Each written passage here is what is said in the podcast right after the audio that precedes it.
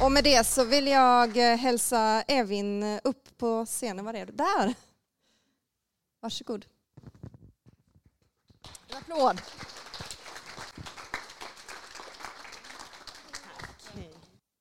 Så, eh, först och främst tack så jättemycket för inbjudan till att få tala här idag eh, på en så viktig dag eh, med ett så viktigt tema, höll jag på att säga. Eh, men just kvinnokampen, det är ju en kamp som har pågått i eh, år efter år, decennium efter decennium, århundrade efter århundrade. Och än idag eh, gäller det att kavla upp ärmarna. Så internationella kvinnodagen den 8 mars idag handlar inte bara om att fira gamla vunna strider, vilket vi givetvis ska göra, men vi ska också kavla upp armarna eh, inför de utmaningar och problemen som vi står för just nu för att skapa en bättre framtid. Um, så vi ska minnas Elma och alla de kvinnor som har gått före oss och vi ska fortsätta bedriva den kampen som de har bedrivit. För än idag är vi långt ifrån att nå ett samhälle där vi kan säga är ett jämställt samhälle. Långt ifrån det. Det finns ju en del som säger att feminismen har gått för långt och jag menar ju på att feminismen inte alls har gått för långt. Den har inte ens påbörjat den kampen. Vi är långt, långt ifrån det här jämställda, jämlika samhället där det inte spelar någon roll vem du är vilken bakgrund du, är, du har, var du är född, eh, vem du är född som och så vidare. Utan det är en kamp som vi står inför. Jag fick ju äran att bli eh, bli eh, utsedd till en av våra ehm, kandidater till EU-parlamentet 2019 och sen eh, äran därefter att bli invald också. Och det har varit en Eh, det har varit en väldigt intensiv tid, men en rolig tid, men också en kampfylld tid, ska jag säga.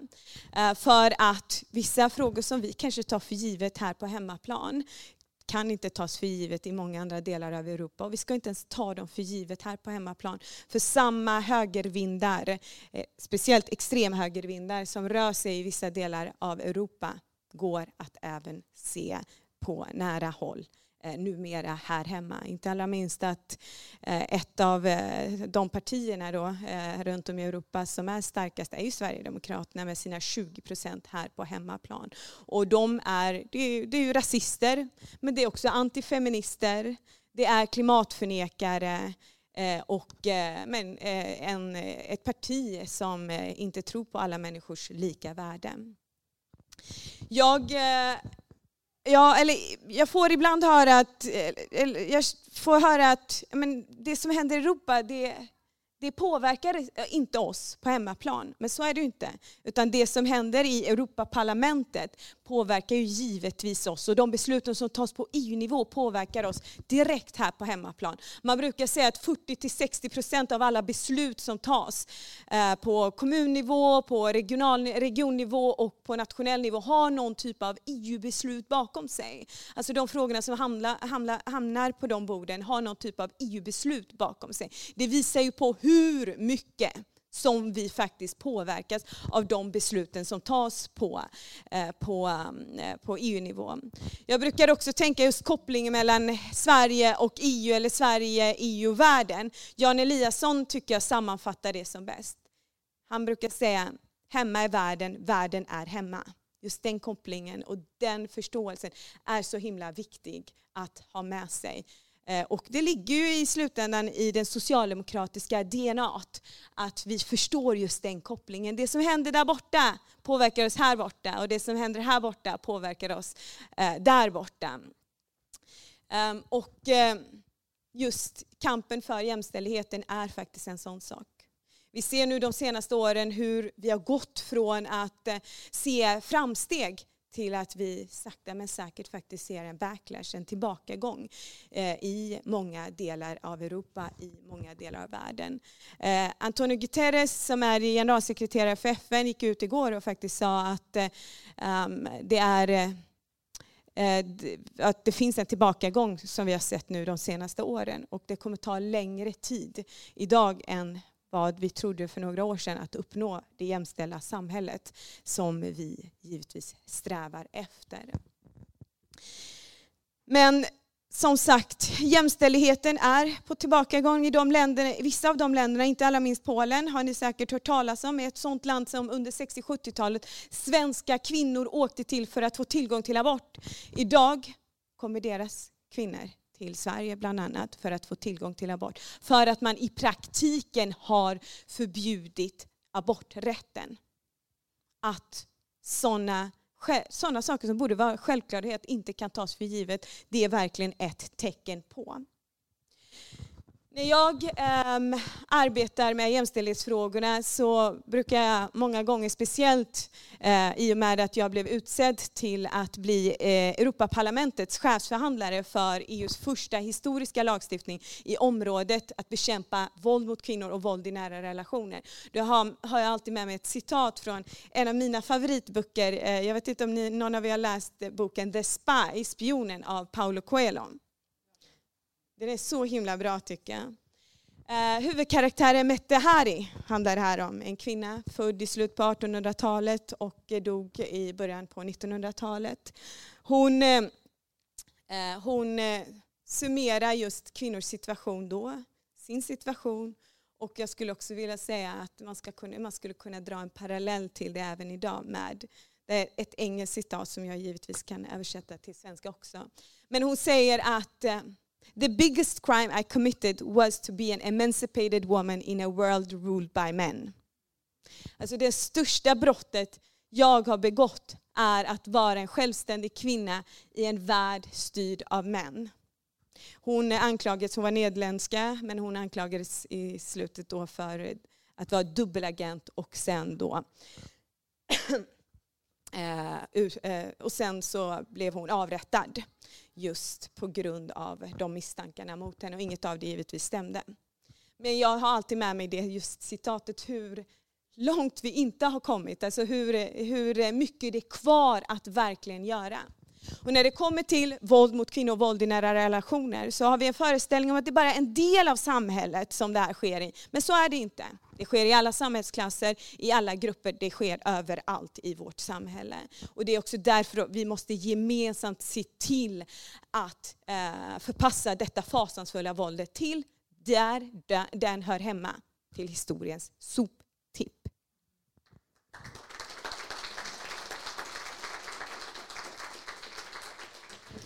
Och den är därför, just direktivet är ju därför eh, väldigt, väldigt viktig. Ehm, och som det alltid är så är en av de stora diskussionerna, vad är EU-kompetensen och vad är den nationella kompetensen? Så det är en strid som vi just nu håller på att ta.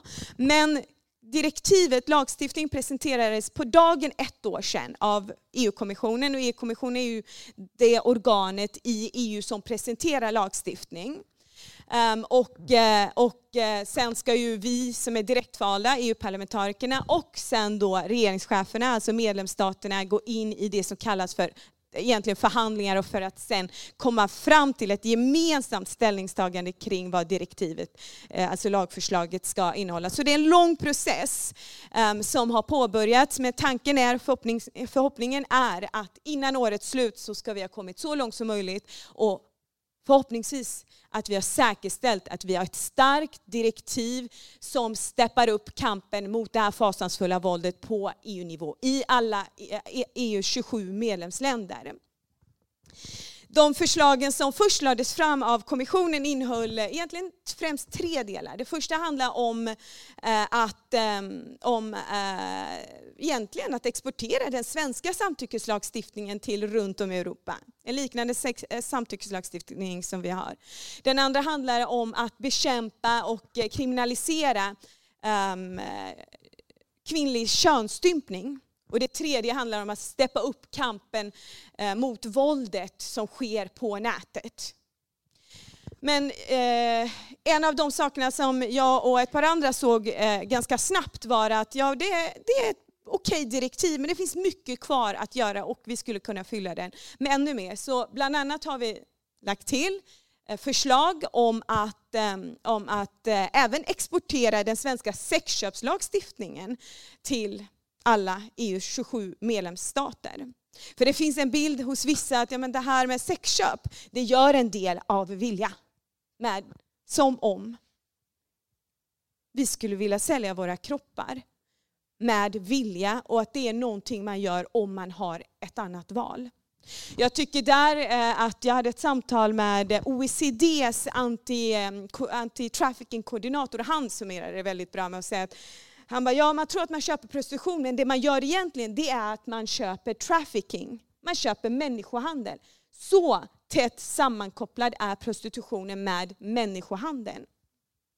Och det är inte heller en slump att det är över 90-95% av de som befinner sig i prostitution är kvinnor. Över 80 procent är, är personer med migrantbakgrund och ganska stor, en signifikant andel är också personer som tillhör hbtqi-communityn. Så det är inte en slump att det är redan utsatta grupper som är i prostitution. Det visar ju på verkligen att det är inte ett arbete som vilket annat, utan det är faktiskt ett, eh, en typ av våld som faktiskt sker mot utsatta grupper. Och i det här fallet då främst kvinnor. En annan del som vi har lagt till är tvingande sterilisering och det låter ju som att 2023 har vi sånt. Men det har vi. I, på olika sätt i olika medlemsländer sker det. Eh, och sen har vi också lagt till eh, att eh, öka kampen mot det hedersrelaterade våldet så att man ska se hedersrelaterat våld som det som man kallar för försvårande omständigheter. Alltså är det någon som har utsatts för våld och det finns en hedersaspekt i det, då blir också domen hårdare. En annan del som vi då introducerat som också försvårande omständighet, alltså det ska leda till tuffare straff, det är om det är våld mot kvinnor som befinner sig i offentligheten, alltså i politiken, journalister, civilsamhällsorganisationer och så vidare. För det är allt för många kvinnor, jag tror att det är ganska många av oss här inne också, som har utsatts för hat, hot och våld på nätet just på grund av vårt kön. På grund av att vi är de vi är. Um, och sen också givetvis ska vi säkerställa att brotten inte sker. Så samtalet om skeva bilder av vad som är kvinnligt och manligt och så vidare ska påbörja i tidig ålder. En annan sak som, eh, finns, eh, som vi har stärkt i direktivet har faktiskt kopplingar till senaste veckornas debatt. Hovrättens dom mot rörande den här tioåriga tjejen som utsattes för våldtäkt men där hovrätten kom fram till att det inte var en våldtäkt på grund av att man hade slagit upp i ett lexikon och där bara tolkat det svart på vitt. Vad man då tolkar är eh, ordet snippa betyder. Men hade man lyssnat på barnet så hade man verkligen förstått att det är våldtäkt som faktiskt har skett. Där menar vi på att eh, man måste öka kunskapen hos berörda myndigheter. Det inkluderar givetvis domstolsväsendet, hela rättsväsendet inklusive domstolsväsendet också. Men givetvis socialtjänst och andra aktörer också som jobbar med eh, människor som utsätts för eh, olika typer av våld. Jag har jag har varit i samtal med så många kvinnor från runt om i Europa som har varit med om olika typer av våld. Ett av de samtalen som jag också minns som tydligast är en tysk eh, kvinna som hade blivit utsatt för nätvåld. Hon är, jag tror att hon var regissör. Hon berättade att hon hade då blivit utsatt för, för nätvåld. Hon går till polisen för att anmäla det här och polisen säger till henne But you might be, eh, you are too opinionated. Eh, som hon då sa att de hade sagt till henne. Alltså du har för starka eh, åsikter. Det betyder helt enkelt att det är ditt eget fel att du är utsatt för det här våldet. Och så kan vi inte ha det. Där kvinnor och flickor konstant utsätts för um, våld efter våld. Först blir vi utsatta för våld på exempelvis nätet. Och sen ska man gå och anmäla det så blir man utsatt för våld av berörda myndigheter som egentligen ska vara där för att stödja en och hjälpa en. Ta emot anmälningarna eller hjälpa en, en vidare i processen. Och då blir man tillsagd att nej men du, om du inte hade betett dig på det här sättet så hade du inte blivit utsatt för det här. Vi har ju också hört exempelvis berättelser och historier om att eh, offer, eh, kvinnliga, eh, kvinnor som då har utsatts för våld i rätten får frågor om men vad hade du på dig? Sa du verkligen nej? Hur uttryckte du dig? Och så vidare. När man hela tiden blir utsatt för dessa typer av misstankar, ja men då finns det inget incitament hos en själv att vilja gå och anmäla det det man gör är att låser fast kvinnor i flickor i den hemska situationen som de redan befinner sig i. Och det måste givetvis få sig ett slut. Vi måste säkerställa att varenda kvinna och flicka som utsätts för det här har det skyddet och det stödet som samhället har och ska ha en skyldighet att ge de personerna.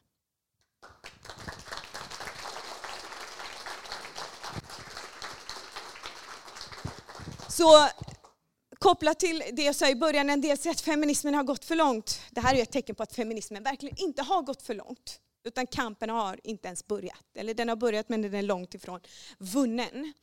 Um, och um, det är ju också tillsammans vi säkerställer att vinna den här kampen. För det är inte så att det här kommer komma av sig självt. Det finns många i Europaparlamentet efter att det här lagförslaget kom på plats och efter att jag bland annat som eh, chefsförhandlare la fram mina, eh, mina tilläggsförslag och ändringsförslag på det ursprungliga förslaget. Eh, ställde sig upp på, på, mm, på bland annat det berörda utskottets möte och sa att ja, men det här är att säga att alla män är förövare. Det är inte det vi säger givetvis. Men faktum är att i Europa så mördas minst 50 kvinnor per vecka i det som då är våld i nära relationer. Det här är bara våld i nära relationer, 50 kvinnor i veckan. Då kan vi bara ana hur många kvinnor och flickor i veckan som mördas som en del av våld mot kvinnor. För att de är födda kvinnor, flickor eller identifierar sig som kvinnor och flickor. Men den här kampen ska vi ta och det, det handlar om organisering, organisering och organisering och det gör vi genom politiken och att politiken och civilsamhället går hand i hand. För det finns många eh, civilsamhällsorganisationer, kvinnorörelser runt om i Sverige, runt om i Europa som, och runt om i världen som varje dag skriker nog är nog. Lyssna på våra röster. Det är dags att få slut på det här eländiga våldet som har pågått år efter år, decennium efter decennium, eh, århundrade efter århundrade. Det här är då en kort sammanfattning av just den kampen som bedrivs i Europaparlamentet och eh, den här lagstiftningen som vi arbetar med just nu. Jag tar gärna emot frågor kring den. Tack så mycket.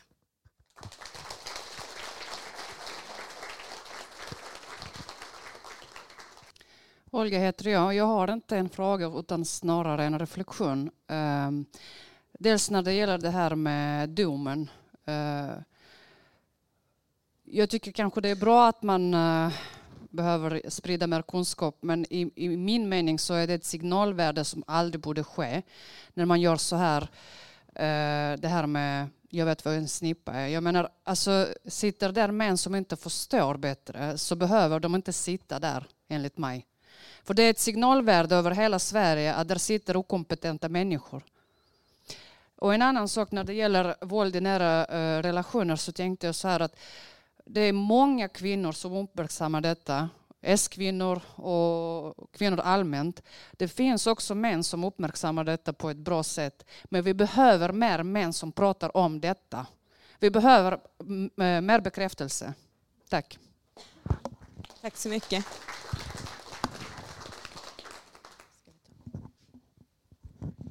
Hej. Är denna på? Ja, det var den. Ja. Susanne heter jag, jobbar på LO-distriktet men eh, är ju här som, som Susanne ikväll. Eh, visst finns det väl en jämställdhetskommitté i, eh, Europa, eh, i Europaparlamentet så att säga. Så är du, ingår du i den också och hur ser den ut idag? För jag vet att under en period så var det en eh, en kvinna som var ordförande som var väldigt katolsk och som var väldigt emot eh, jämställdhet överhuvudtaget. Och hon var ordförande så att man undrar ju liksom vem som sitter där idag och vilka frågor behandlar man egentligen. Tack. Nu blir jag kanske lite teknisk i det, men vi har lite olika kommittéer. Eh, jämställdhetskommittén är en och sen så finns det ett annat kommitté som heter eh, Utskott för medborgerliga fri och rättigheter samt rättsliga och inrikesfrågor, alltså väldigt, väldigt långt namn. Jämställdhetskommittén är inte primärt lagstiftande utan den lagstiftande kommittén är eh, med Utskottet för medborgerliga fri och rättigheter samt rättsliga och inrikesfrågor. Däremot, ett jättelångt namn som hela tiden behöver upprepas, eh, men vad heter det, däremot så följer ju jämställdhetskommittén arbetet i alla utskott och ger sin, sin, eh, eh, sitt yttrande på frågor som rör just jämställdhetsfrågorna. Så de har väldigt, väldigt eh, viktig funktion. Och de senaste åren har de också hängt på kring det mer lagstiftande arbetet. Så exempelvis lagstiftning som jag är ansvarig för, det sker i, tillsammans med faktiskt jämställdhetsutskottet. Eh, men det är primärt det straffrättsliga området, så på så sätt så hamnar det på det andra utskottet primärt. Eh, men som sagt så jobbar vi Eh, väldigt tätt ihop. Men idag är ordförande för jämställdhetskommittén faktiskt Robert Bidron som är en kollega till mig. Ehm, han är manlig kollega från eh, Polen, jobbar väldigt mycket med jämställdhetsfrågorna och vi som sagt vet vi ju utvecklingen i Polen som är fasansfull. Um, och, eh, och han verkligen håller fanan väldigt, väldigt högt i den kampen också. Så att det är inte någon högerkonservativ ordförande i jämställdhetskommittén den här, den här mandatperioden. Okay. Ja, hej, Bo heter jag. Hej. Jag har en fråga när det gäller um, hedersrelaterat våld. Mm. Um, den gängse uppfattningen när man pratar med folk så har de uppfattningen att det är liksom kulturella saker i vissa familjer och kulturella kretsar om eh, familjen känner sig kränkt av att kanske dottern vill leva på ett visst sätt som inte stämmer med deras kultur. I min värld så det farligaste en kvinna kan göra det är att lämna en man som inte vill bli lämnad. Så att om en kvinna lämnar en man och han känner sig kränkt, och då kan man tillhöra vilken kultur som helst. Eh, så väljer han att misshandla eller ofta döda henne för att om inte jag ska få henne så ska ingen annan få henne. Oavsett vilken kultur man kommer ifrån. I min värld så är det precis lika mycket hedersrelaterat våld som om man, det är liksom kulturellt betingat. Så jag undrar, vad är den officiella definitionen på hedersrelaterat våld? Jag tycker det ska inbegripa det jag säger, men det bestämmer inte jag. Va? Men... Alltså, det finns ju inget gemensamt begrepp runt om i Europa, eh, runt om i medlemsländerna, men eh, det hedersrelaterade våld ser ju ingen hudfärg eller födelseland, utan den ser uttrycket eh, just att personer känner sig den personen som utför eh, våldet känner sig kränkt och det finns olika eh, saker att ta hänsyn till. Exempelvis att familjer är involverade, att det har någon typ av, kan ha kulturell koppling, behöver inte ha det, men just att det handlar om att någon annan känner att någonting har tagits ifrån en, någons heder har tagits ifrån. Men den ser inga hudfärg, den ser ingen födelseland, den ser inte mer än just våldet i sig. Hej Evin, jag heter Munir. Jag läste precis att du är från Bergsjön och jag är från Gårdsten. Ah, Okej, okay. mm. det borde jag ha sagt. Jag är uppvuxen i Göteborg men bor i Uppsala sedan ett par år tillbaka. Uh, när, vi, när jag kom in här så pratade vi kring uh, vad bakgrunden är kring internationella kvinnodagen. Eh, och vi pratade kring hur eh, historiskt var, varifrån internationella kvinnodagen kommer ifrån. Så började jag läsa lite och så kom jag att titta på en lista på 27 länder faktiskt, apropå EU, som, där det internationella kvinnodagen är en helgdag. Och i Kina läste jag eh, så har kvinnor ledigt halva dagen. Um, så det var en tankeställare. Inget av länderna var från EU, eh, vad jag kunde läsa. Eh, finns det någon sån tanke eh, inom EU att försöka få det till något sådant? Och jag, min fråga kanske jag ska ställa utifrån det här med att i, i löneskillnaderna ökar ju igen ju. Och hur, hur ser ni på det inom EU-parlamentet? Hur jobbar ni mot det?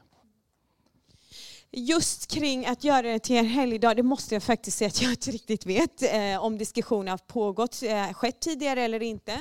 Men vad gäller just eh, löneskillnader och så, så är det också en väldigt stor fråga. I december månad tror jag det var så antog vi vår ståndpunkt i en lagstiftning faktiskt på EU-nivå som handlar om lönetransparens. Eh, att eh, göra det mer transparent och när man också gör det mer transparent så synliggör man ojäm, ojämställdheten och ojämlikheterna mellan olika grupper i samhället och på så sätt kan steppa upp kampen för eh, jämlika löner. Eh, så att det sker definitivt ett arbete på området. Sen också ska jag säga, eh, ett annat område som jag inte nämnde som jag själv har varit med och då lagt förslag på det är att öka kampen mot eh, sexuella trakasserier på arbetsplatser att eh, säkerställa att eh, eh både samhället, alltså både eh, staten, region och kommunerna, eh, inklusive arbetsgivarna, har ett större ansvar att eh, eh, bekämpa våldet även på arbetsplatserna, för vi vet att det sker. Då passar jag på att ställa en fråga. Du nämnde prostitutionslagstiftningen och arbete för att eh, sprida det svenska arbetet.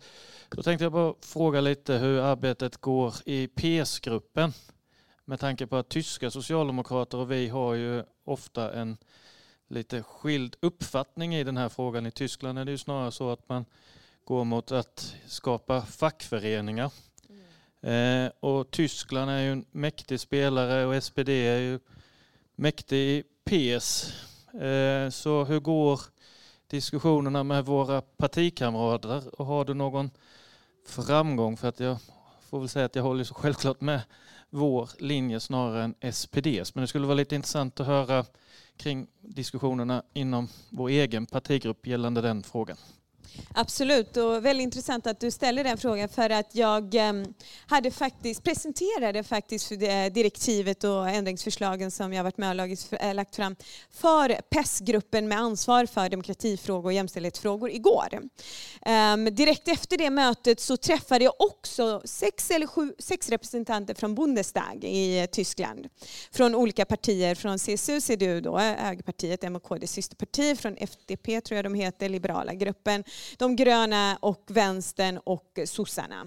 Eh, så att det var representanter. Och jag var den enda icke-tyska eh, EU-parlamentariker på det mötet. Men de var väldigt intresserade av direktivet. Och då tog jag givetvis också upp eh, de här frågorna. Först vad gäller vårt eget systerparti. Eh, I EU-parlamentet så ser vi en förändring. Tills hon som faktiskt är vår grupp nu ska vi se här. Hon är, ja, hon är vår gruppledare i eh, jämställdhetsutskottet. Hon är själv tyska. Maria Nocil heter hon, jag tror inte hon blir ledsen att jag nämner hennes namn. Hon är väldigt, väldigt eh, eh, hon är varm eh, anhängare av eh, den svenska modellen. Så hon har jobbat väldigt aktivt för att övertyga sina tyska sossekollegor också i EU-parlamentet att byta till rätt sida. Ehm, och hon, nu verkar det som att de faktiskt Eh, får fler och fler eh, socialdemokratiska EU-parlamentariker ehm, till att faktiskt börja se att kanske är det eh, det som då på engelska kallas för equality models, alltså svenska eh, sexköpslagstiftning, som är den rätta vägen att gå. Eh, med tanke på att med, alltså, ju mer man lyssnar på eh, fakta, desto mer inser man att det är den rätta vägen. Det jag var inne på, just den här anti-trafficking-koordinatorn berättade att när du tror att du köper eh, prostitution men du köper, eh, du köper trafficking. När vi kollar på hur siffrorna ser ut och vilka det är som befinner sig i prostitution, man kan inte blunda för det. Så att jag ser en mer, en mer och mer positiv utveckling från vårt perspektiv um, vad gäller då att fler och fler blir anhängare av just den svenska modellen. Men jag ser samtidigt också, jag hörde för någon månad sedan att i Norge så har man tillsatt en utredning, jag vet inte om utredningen nu är presenterad, eh, där man ser över sexköpslagstiftningen och ser om man ska gå mot mer eh, nederländsk eller tysk modell. Alltså, eh, och det tycker jag är lite oroande. Jag vet inte hur långt de har kommit nu i Norge. Men för några månader sedan hörde jag om det och det gjorde mig faktiskt eh, lite orolig. Så att det finns eh, positiva saker som sker samtidigt som en del saker som då man börjar bli lite orolig för. Eh, men jag måste vara ärlig med att säga att det kommer vara en battle. Det kommer vara en kamp i Europaparlamentet som jag inte vet om vi kommer vinna. Men det och vi kommer givetvis göra allt vi kan för att säkerställa att vi vinner det. Men i slutändan så är också det viktigaste att vi lyfter debatten. För ju mer vi lyfter debatten så ser vi år efter år en framgång. Och om vi jämför med hur många som, som eh, idag eh, har röstat för skrivningar som går mot, alltså krav som går mot den svenska modellen jämfört med för ett par år sedan, så ser vi att fler EU-parlamentariker röstar för eh, någon typ av lagstiftning som går åt mot den svenska eh, modellen. Så att det, vi ser en, för, en förändring faktiskt eh, bland beslutsfattare på EU-parlamentsnivå. Men det är en enorm kamp då så fick jag sista frågan också. Nej, men jag tänkte det är alltid intressant att få ett perspektiv också på att vi inte alltid är överens, våra socialdemokratiska partikamrater eh, runt om i Europa i sådana här eh, oerhört viktiga frågor. Men förhoppningsvis om vi kan sprida den lagstiftningen när det gäller prostitution så har vi sett också att andra länder har ju tagit över eller börjat titta på att ta över samtyckeslagstiftningen som vi ju var först på i Europa. En jätteviktig lagstiftning. Så det är jätteintressant. Så tusen tack för att eh, du tog dig tid att komma hit. Eh, vi är jätteglada. Eh, och sen är det ju inte jättelångt till nästa Europaparlamentsval heller. Det går ju snabbare. Det är faktiskt nästa val och det är ju 24 nästa år. Så att eh, då kommer vi ju höra än mer om Europapolitiken och just hur viktigt det är också för det lokala, nationella och det regionala. Så tusen tack Evin. Ja, men tack detsamma. Och det är en del som säger, efter nationella valen så var det många som sa att om fyra år är det val igen och det är det inte utan det är faktiskt bara runt hörnet 2024. Och stort tack för en jättefin dag um, där jag faktiskt har fått möjlighet att träffa myndigheter och andra aktörer här i Malmö uh, som, och verkligen ett, en tydlig signal till mig har varit hur Malmö verkligen går i frammarsch uh, i kampen för kvinnor och flickors rättigheter. Så um, enormt bra jobbat här på hemmaplan. Tack så mycket för inbjudan.